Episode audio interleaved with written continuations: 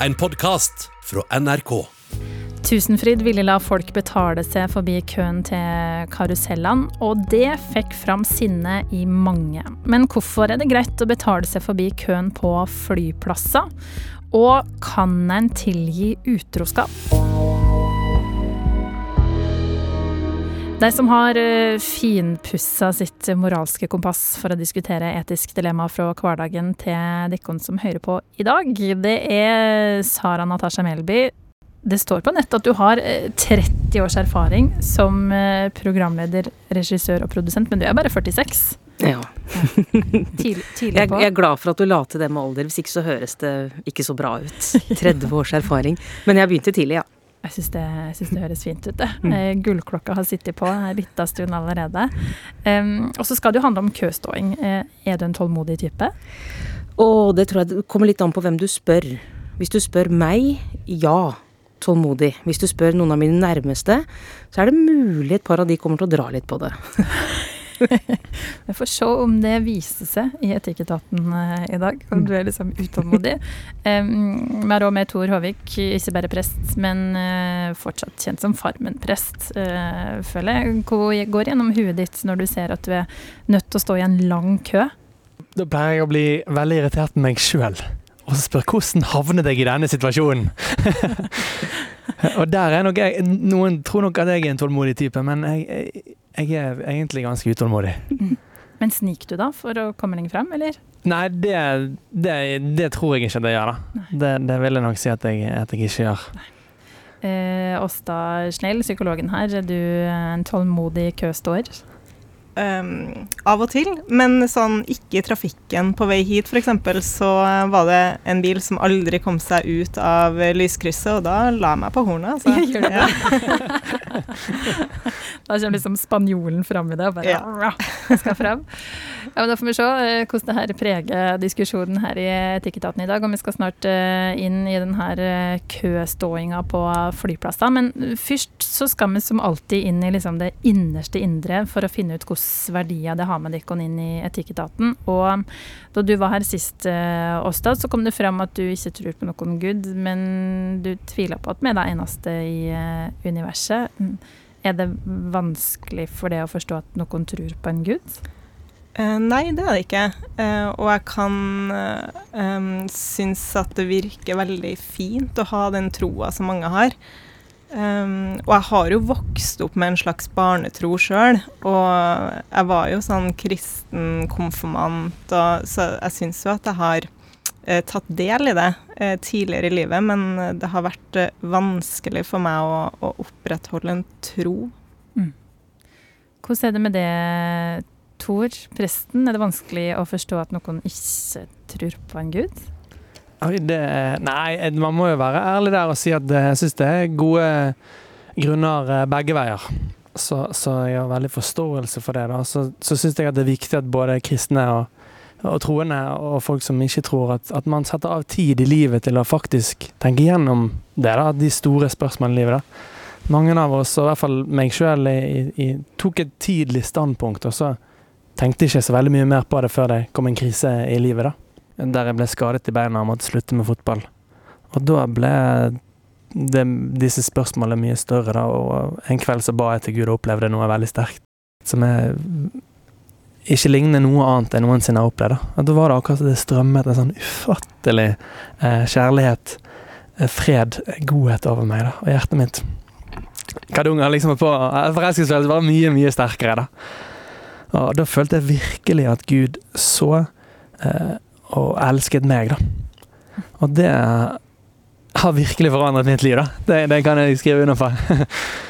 Og da begynte jeg tilbake i ungdomsarbeidet der, der som jeg hadde konfirmert meg to år tidligere. For en opplevelse som 17-åring. Ja, det var veldig livs, livsforvandlende. Mm. Sara, tror du på en gud? Jeg tror på Gud. Uh, selv om jeg må si at Gud gjør det vanskelig innimellom, altså. Det, blir jo satt på noen uh, prøvelser. Jeg fikk, fikk, en litt sånn brå start på det, egentlig, for jeg er ikke vokst opp i noen kristen familie. Uh, men hadde min egen tro og tenkte at det må jo bety noe. Så jeg bestemte meg som 15-åring for at jeg ville konfirmere meg. Eh, og så var det jo litt sånn, jeg vet ikke hvordan det er nå, Tor, men da var det i hvert fall sånn at det var litt opp til prestene om man kunne vurdere om man fikk lov til å konfirmere seg uten å være døpt eller ikke. Ja. Um, og jeg var jo ikke døpt, men jeg ville konfirmere meg. Men da insisterte altså min prest på at jeg først måtte døpes. Så jeg måtte da i tillegg til konfirmasjonsundervisningen hver uh, uke gå i såkalt, såkalt dåpsundervisning. Ja. Uh, og så en uke før konfirmasjonen måtte jeg døpes. Uh, det føltes rart som 15-åring, og det tok faktisk bort litt av det fine for meg. For jeg mente jo at konfirmasjon betyr bekreftelse. Mm. Dette må være bekreftelse nok. Jeg vil konfirmeres. Men ja, sånn var det. Men hadde du blitt konfirmert i 2022, vet du Sara, så kunne du gått på drop-in-dopp. mm. Slipp her undervisninga, bare ja. stikke innom og ordna det. Ja, det jeg hiver meg på Sara og syns at det høres litt lite pragmatisk ut, kanskje. Mm. Mm. Da vet vi litt mer om hvem vi har med. Og um, hvis du som hører på um, har et dilemma i hverdagen din som du vil ha panelet sine tanker rundt, så um, send det gjerne til oss på e-post til etikketaten krøllalfa nrk.no. I Etikketaten i dag så har vi invitert med oss uh, Tor Håvik, Farmen-presten, Åsta Snill, psykolog, og Sara Natasha Melby, programleder og sjefsdetektiv i Maskorama, blant annet. Nå skal det handle om noe som uh, de færreste av oss liker, nemlig uh, kø. Men skal en få betale seg vekk fra denne ventinga, det er spørsmålet. I vår så begynte fornøyelsesparken Tusenfryd å selge ekspresspass. Det passet lot folk som betalte ekstra, slippe forbi køen. Men etter å ha fått eh, bøtter og spann med kritikk fra mange hold, så droppa de salget av det her. En av sjefene ved Tusenfryd sier de ble eh, overraska over reaksjonene, da det her er en ordning som finnes flere plasser i utlandet. Men vi har jo allerede en lignende ordning på flyplasser her til lands. Kjøper du en dyrere flybillett, så kan du smette forbi hovedkøen på sikkerhetskontrollen. Eller som det står på Norwegian sin nettside, du trenger ikke følge det utafor hvis du reiser med en billig billett. Du kan bare legge til 100 kroner, og vips, så er du raskt inne på gaten. Er det greit at vi kan betales forbi køen på flyplasser? Nytter det fast track, eh, Asta, når du reiser? Ja. Eh, altså, når jeg tenker på, um, på uh, fast track, da, så ser jeg på en måte det her Altså, jeg tror personlig at jeg eh, bare har tatt det som en selvfølge at en viss gruppe mennesker er viktig på flyplass. Eh, det er de her travle, middelaldrende mennene med dress og stresskoffert som rusher forbi fasttracken på vei til SAS Pluss-setene sine, der de skal bli varta opp med ramløsa og nøttepose. Så det er liksom, Når jeg tenker på fast track, så er det på en måte de her travle mennene jeg ser. Eh, og for min del så tenker jeg at de skal få lov å være travel, da. Og du er ikke en del av den gjengen der? Du står i den eh, demokratiske lange køen? Eh, det kommer an på om jeg reiser med jobb, og, eller om jeg reiser privat, egentlig. Mm. Fordi at det handler jo litt mer om forskjell mellom individer. Mange som reiser med fly, gjør det jo gjennom jobben, og arbeidsplassen betaler for billettene. og Her har jo bedrifter og foretak avtaler med flyselskaper eh, for reiser som ansatte gjør. og for at firmaet skal gjøre avtaler seg imellom, så tenker jeg at det må være noen fordeler og goder. F.eks. at man får sånn fullflex-billetter til en avtalt standardpris osv. Så, videre. så personlig syns jeg nå at det er akseptabelt. Ja, så har du, har du tilgang på fast track, så går du i den uh, rekka der. Ja, jeg gjør det. Ja. Eh, Sara, hvordan er det med det?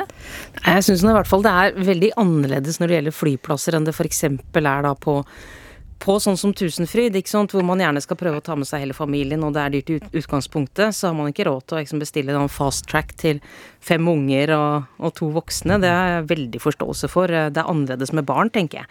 Jeg klarer ikke å hisse meg opp over at folk på flyplassen eh, kan komme litt kjappere gjennom den innsjekken enn meg, altså. Det, der er jeg nok litt enig med Åsta, at det får, det får være greit at noen gjør det. Men så tenker jeg jo kanskje at det Jeg forholder meg jo stort sett til Gardermoen, ikke sant. Uh, og der er det jo så mange sluser uansett, at da tenker jeg jo nesten at noen velger fast track. Bare, fast track bare gjør det enklere for alle. Da er det færre mennesker i den der store klynga, så det tenker jeg jo er ganske bra. Men så er det vel ikke sånn overalt, da, sikkert. Men vi skal jo bore litt i liksom, prinsippet her, da. Fordi folk har jo klikka pga. denne Tusenfryd-passet fordi at det er så udemokratisk at noen med mer ressurser skal få lov til å få goder fordi det har muligheten til å betale mer. Ja. Eh, Tor, er du irritert på fast track på flyplass, eller tenker du det er helt eh, greit?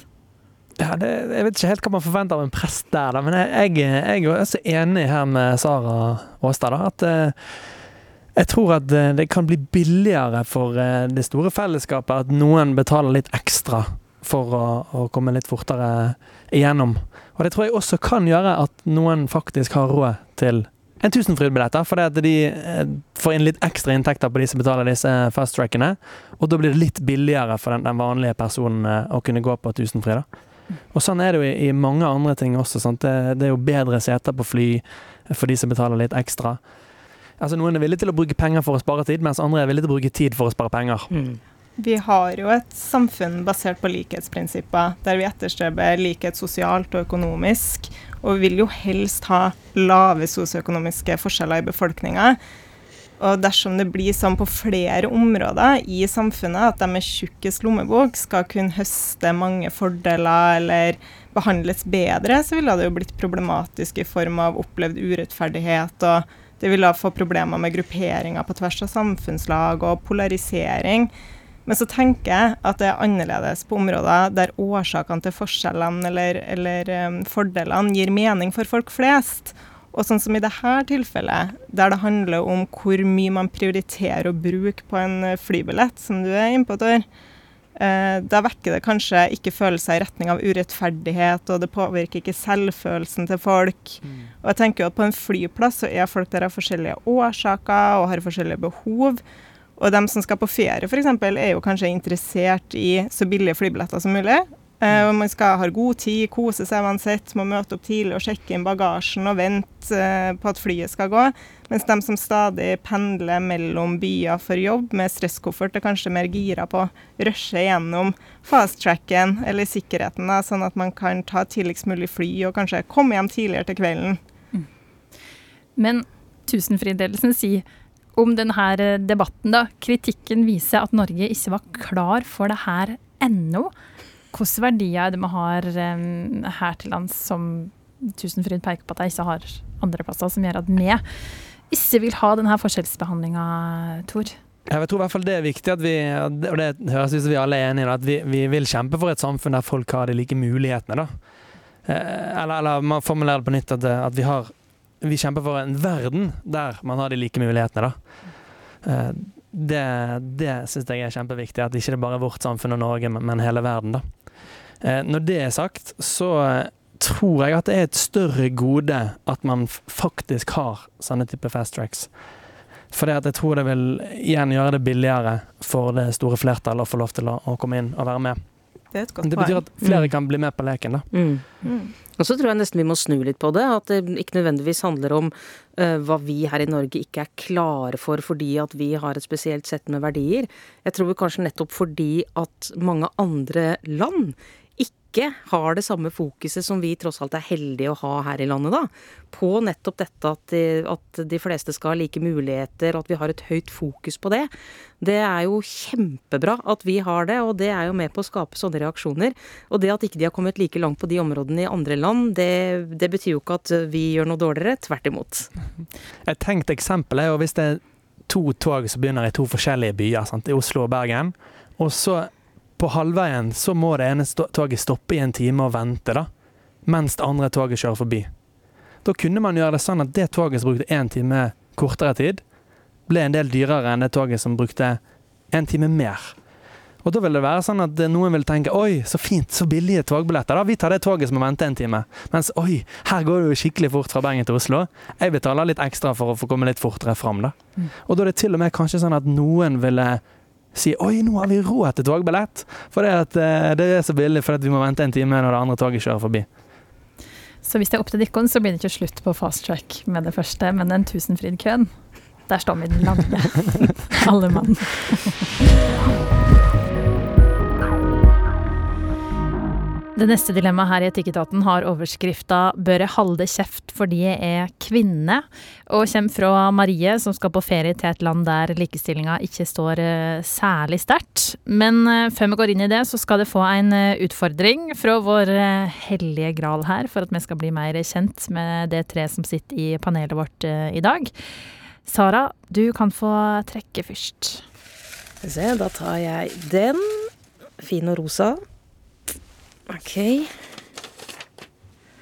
Ja, her står det Hvis du kunne velge karriere på nytt, hva ville du da valgt?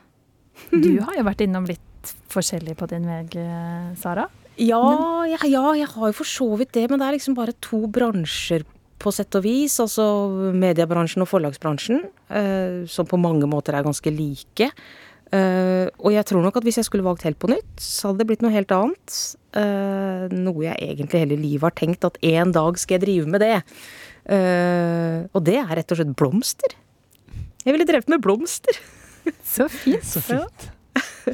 Saras butikk. Ja, ikke sant. En sånn liten blomsterbutikk. Kunne gått litt i lære hos Finn sjøl og fått liksom lært litt mer om blomster. og Det har jeg alltid hatt veldig lyst til. Så en dag, en dag skal jeg gjøre det.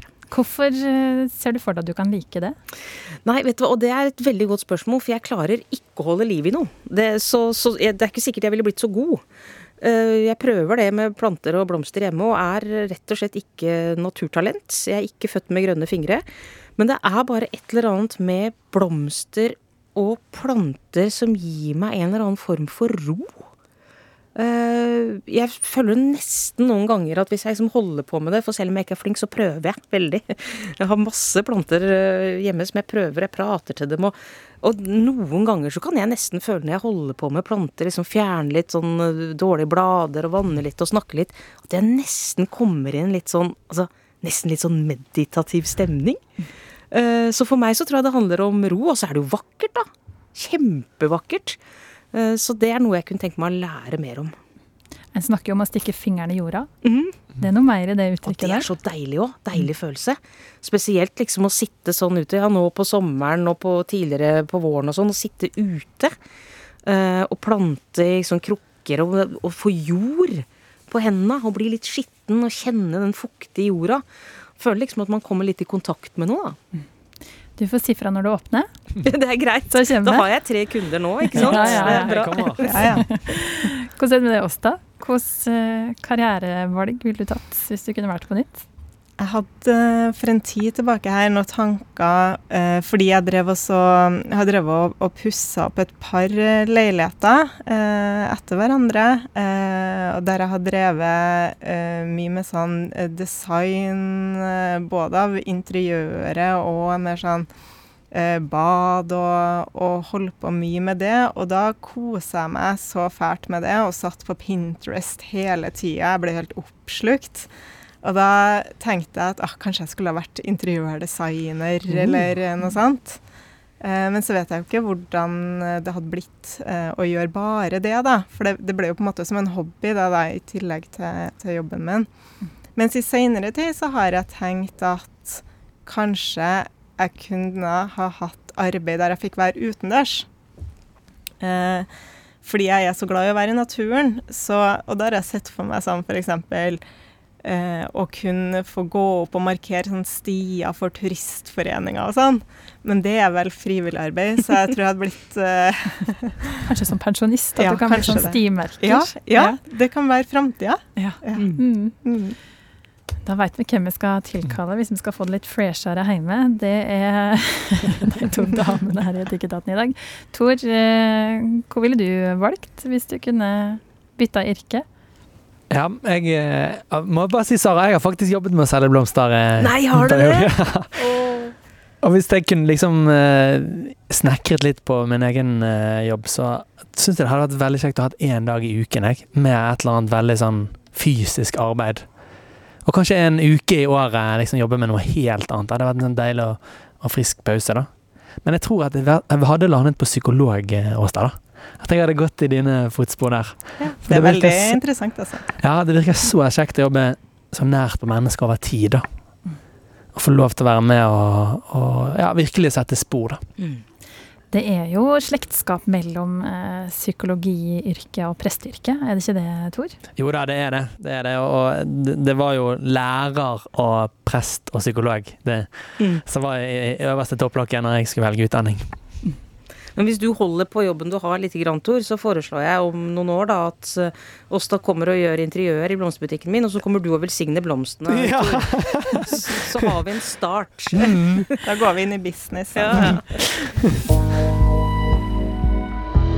Her i Etikketaten i dag så har vi med tre personer som aldri har møttes eh, før, og som jobba med ganske vidt forskjellige ting, men som sitter her og deler av sine erfaringer for å tenke høyt rundt eh, dilemmaet som det som hører på har sendt inn til oss. Um, Tor Håvik, observert med kors rundt halsen i et eh, fjøs på Farmen, blant annet. stasjonell reiseglad psykolog. Absolutt. Det er lov å si det. Ja. Ja. Og Sara Natasha Melby, som ofte er utstyrt med mikrofon i radiostudio, Mm. på scene, foran eh, TV-kamera, eller bak også. Um, Marie, skriv det her til oss til etikketaten krøllalfa nrk.no. Hei. Til høsten så skal vi på ferie til Egypt igjen. Planen er å bade, ete masse god mat, drikke godt og bare nyte livet. Men det er én ting som ofte skaper irritasjon når jeg og mannen min reiser hit. Den manglende likestillinga. Ja, en kan himle med øynene når kvinner må ha på seg klær som dekker knærne ved ulike turistattraksjoner, men det at det blir oversett når jeg forteller drosjesjåføren hvor vi skal, det irriterer vettet av meg. Skal jeg holde kjeft i håp om en trivelig og kanskje billigere drosjetur, eller skal jeg slå et lite slag for likestilling? Helsing Marie.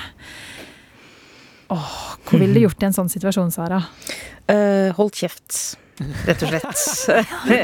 du, jeg, jeg, jeg mener jo at vi som er så heldige eh, at vi bor i Norge, eh, med alle de, de rettighetene vi har, og det fokuset på, på likestilling, vi er kjempeheldige. Og selvfølgelig skal vi være gode ambassadører for det eh, ut i verden. Men hvis vi velger å reise til et land som turist, så mener jeg rett og slett at vi faktisk må forholde oss til den kulturen vi kommer til. Uansett hvor irriterende den kan være? Ja, i hvert fall hvis det er sånn at det er irriterende. Altså hvis det går ut og Altså hvis det er mer, langt mer alvorlig enn det, så må man jo selvfølgelig ta en eh, annen vurdering. Men, men hvis det rett og slett bare, da, i anførselstegn, er irriterende, så tenker jeg da må man rett og slett eh, la det fare. Uh, Ti still. Uh, og kanskje velge seg et annet reisemål neste gang. Åsta, hva ville du gjort i en sånn situasjon? Nei, altså det første som slår meg med innsenders dilemma, er at det høres enormt slitsomt ut. Du skal endre det hun opplever som egyptisk kultur på en ferietur. altså, og hvorfor legge ferien til et sted der du trigges av kulturkrasjer? Og kanskje det da er bedre å dra et sted der du i større grad beskytter dine egne følelser, der du føler deg vel og opplever at dine verdier respekteres hvis det er viktig for deg. Og jeg er jo veldig tilhenger av å velge dine kamper, og, og likestillingskampen finnes det kanskje bedre arena for. Enn bak i en taxi. Ja, ja, jeg tenker opplever du deg krenka, så kanskje ikke oppsøk det aktivt med intensjon om å ta et oppgjør med taxisjåføren. Mm. Jeg er helt enig med deg. Men hva hadde du kjent på i den taxien der da, Åsta? Sjøl, hadde, du- hadde du kjent på at det var irriterende? Eller hadde du klart å bare svelge den kamelen? Um, nei, jeg tenker at et alternativ da, kan jo være å ta en sosialantropologisk eh, innstilling eh, til det. Vær nysgjerrig, legg merke til ting, søk å forstå. Eh, framfor å, å oppsøke det som man opplever som annerledes, og, og prøve å på en måte ta og ha bestemt seg for å ta en kamp på forhånd. Eh, og kanskje heller hun kan prøve å, å mentalisere dem som lever i den kulturen der hun er gjest. Mm. Eh, hvordan er det å være kvinne her? Man trenger kanskje ikke å ta opp kampen eh, eller altså finne svaret eller oppdra eh, lokalbefolkninga. Mm. jeg tenker jo at jeg ville ha lagt grunnlaget for en, for en mer avslappa ferie. Eh, I alle fall en mer konfliktfri en. Se på det som et feltstudie til Egypt og ta notater? Ja, så kan man jo på en måte også ta det andre valget, da. Eh, er man så imot kvinnesynet i en kultur, kan man jo vurdere om man ønsker å legge reisen akkurat dit og støtte akkurat den turistindustrien. Eh, kanskje det finnes bedre plasser å, å dra, som, som, Sara sa, da. Mm. Er det noen plasser du ikke reiser til, Tor, pga. kulturforskjeller eller andre verdier? Nei, det, altså, det, er utrolig mye klokt som er sagt der. Jeg kan bare kjenne meg igjen i altså, ungdomsskolelæreren min. da. Igjen og igjen og igjen. Tor, velg dine kamper. Velg dine kamper, Tor! jeg var tydeligvis en kamp han hadde valgt, da. og det, det, sitter veldig bra i. Det, var, det er kjempemye visdom i det. da. Og, og denne drosjesjåføren kommer jo ikke til å endre seg. Eh, så, så hvis man sitter i drosjen, så vil jeg så kan det jo tenkes at man kunne spørre seg sjøl hva kommer til å irritere meg mest. da? Er det at jeg ikke sa noe, eller er det eh, at taxisjåføren ignorerte meg? da? Hvis du blir kjempeirritert på deg sjøl for at ikke du sa noe, og går og bærer veldig nag på det, og sånne ting, så eh, kan det hende du skal si noe fordi at du er der. Men jeg er veldig enig i det som er blitt sagt av oss da, og Sara her, da. Ja, Så må vi huske på det at det, som kanskje bare igjen i anførselstegn er irriterende for oss, kan bety noe langt større og viktigere for dem. Så det å bare si ifra bak en sånn taxi, det kan få veldig mye større konsekvenser enn enn at du bare blir kvitt litt av irritasjonen din. Så jeg tenker man skal være veldig forsiktig med det, da. Altså, du tenker at det, ikke kan, det, det har ikke noen positiv effekt å minne taxisjåføren på at her sitter også en kvinne med en stemme, Sara? Ja, Der er jeg faktisk veldig enig med Åstad. Det finnes nok langt bedre måter å, å få fram det budskapet på enn som turist i en taxi. Men, eh, men Tor, tilbake til spørsmålet om eh, er det noen plasser du ikke vil reist fordi de har en annen kultur eller andre verdier som ikke du vil Nei, der? Der tror jeg nok vil svare nei på. da. Det som vil være viktig for meg, er at det er et trygt sted å reise til. Det ville være en av de viktigste faktorene. da. Men, men jeg er nok mer der at jeg ville heller reist til et skikkelig eksotisk sted Tenk å få reise 100 år tilbake inn i tid på å Hæ? altså Det reiser til et veldig eksotisk sted som er veldig annerledes, å få erfare det. Og det er jo det fine med Egypt, da, liksom at man får faktisk oppleve noe helt annet enn det man er vant til i sin vanlige hverdag. Mm. Hvordan er det med det, Åstein? Noen plasser du dropper å reise til? Konfliktfylte steder eh, eh, reiser jeg ikke på ferie til. Eh, ikke mens det pågår konflikt. Uh, men, men, jeg kan jo kanskje relatere meg uh, litt til, til, akkurat det her med kvinnekultur uh, på feriesteder. Altså, jeg var jo i Dubai i, og i Oman i studietida med venner.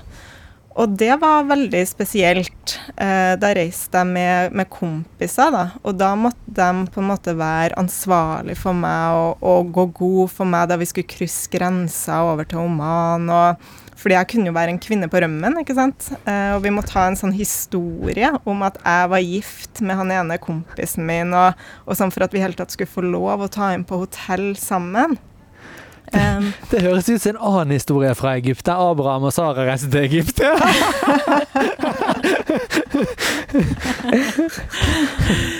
Bare noen år seinere. ja, og litt annerledes detaljer. mm. Men hvordan kjentes det, da?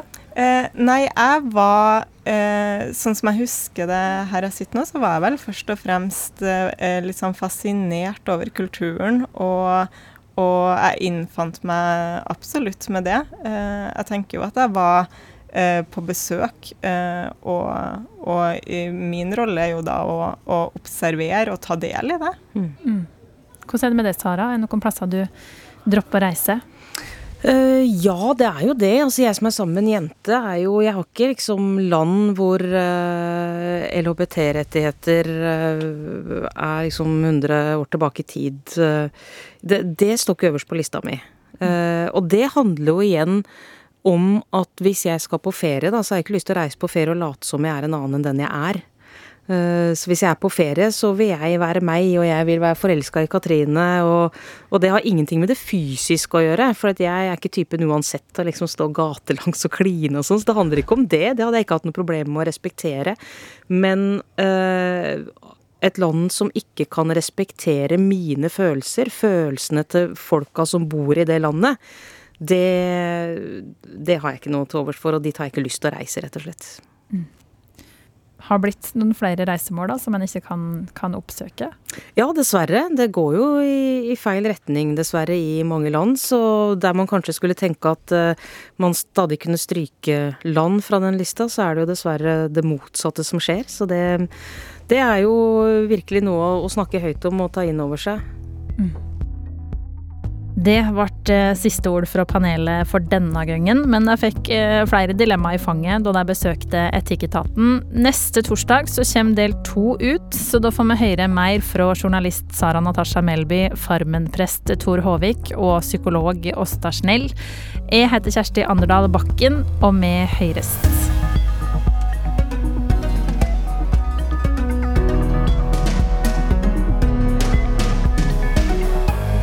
Du har hørt en podkast fra NRK. Hør flere podkaster og din NRK-kanal i appen NRK Radio.